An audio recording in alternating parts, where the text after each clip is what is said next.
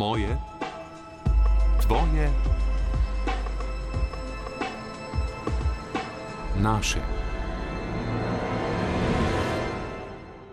Človekove pravice.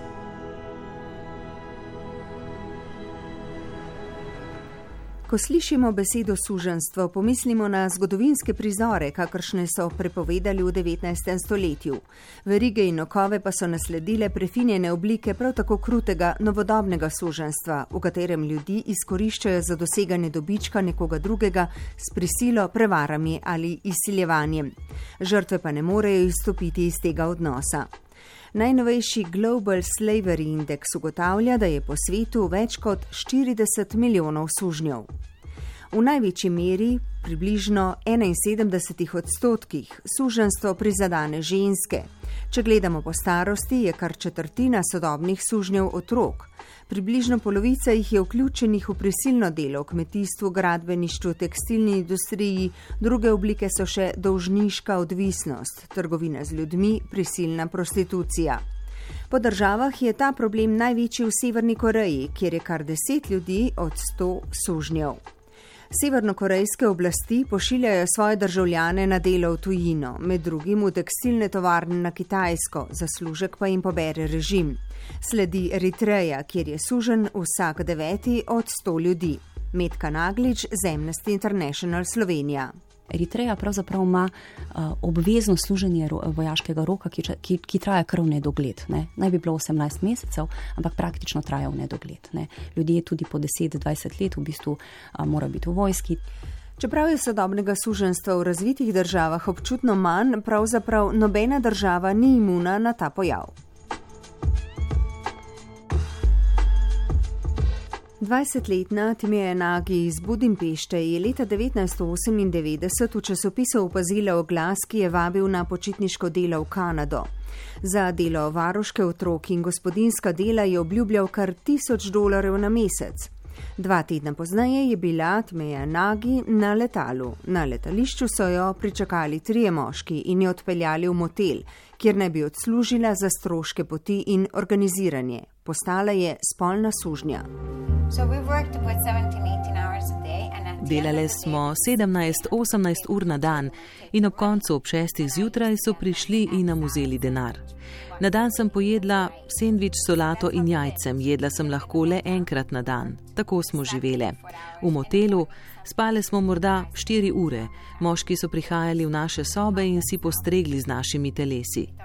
Sčasoma izgubiš pamet, postaneš zombi in na zadnje pač narediš, ker vsi drugi to počnejo.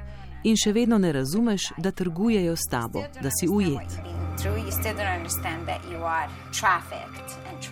V Global Slavery Index najdemo tudi Slovenijo z ceno 5000 sodobnih sužnjev, s čimer se naša država na lestvici 167 držav uvršča na 127. mesto. Tihotapljanje ljudi je ena pomembnih metod pridobivanja suženske sile. V Sloveniji je kar v 96 odstotkih povezana s polnim izkoriščanjem.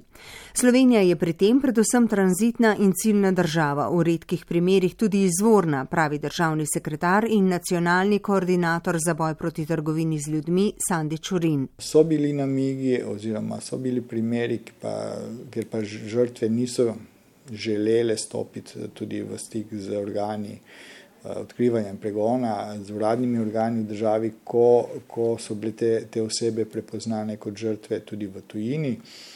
Predvsem uh, so to primeri, in na to bi veljalo tudi upozoriti, uh, ko gre za mladostnike, pa mlajše osebe, ki se za določene avanturistične aktivnosti, bi rekel, stopanja v neke nova življenjska okolja odločijo in uh, izkusijo, pa potem se znajdejo v tej spirali trgovanja.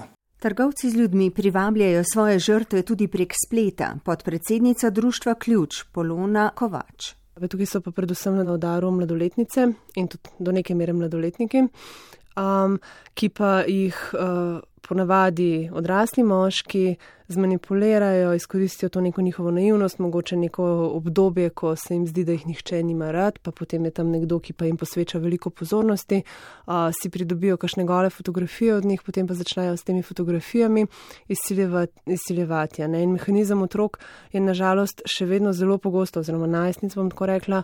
Um, takšen, da se jim zdi, da je ta napaka, ki so jo storile, se pravi, ojoj, poslala sem fotografije nekomu, toliko velika, da boš, da, da, da obogam tega izsiljevalca, kot da bi to povedala staršem v šoli, nekomu zaupala.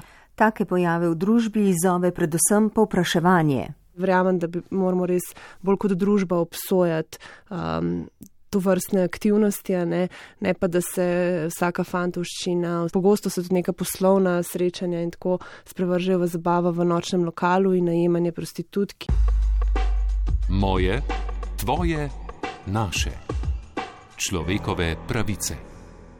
Sodobno suženstvo podpiramo tudi kot potrošniki. Kakav v naših čokoladah nabirajo sodobni sužnji v Zahodnji Afriki.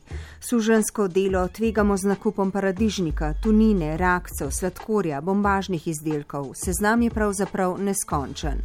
Nekdana direktorica Mirovnega inštituta Niža Kogovšek Šalamon.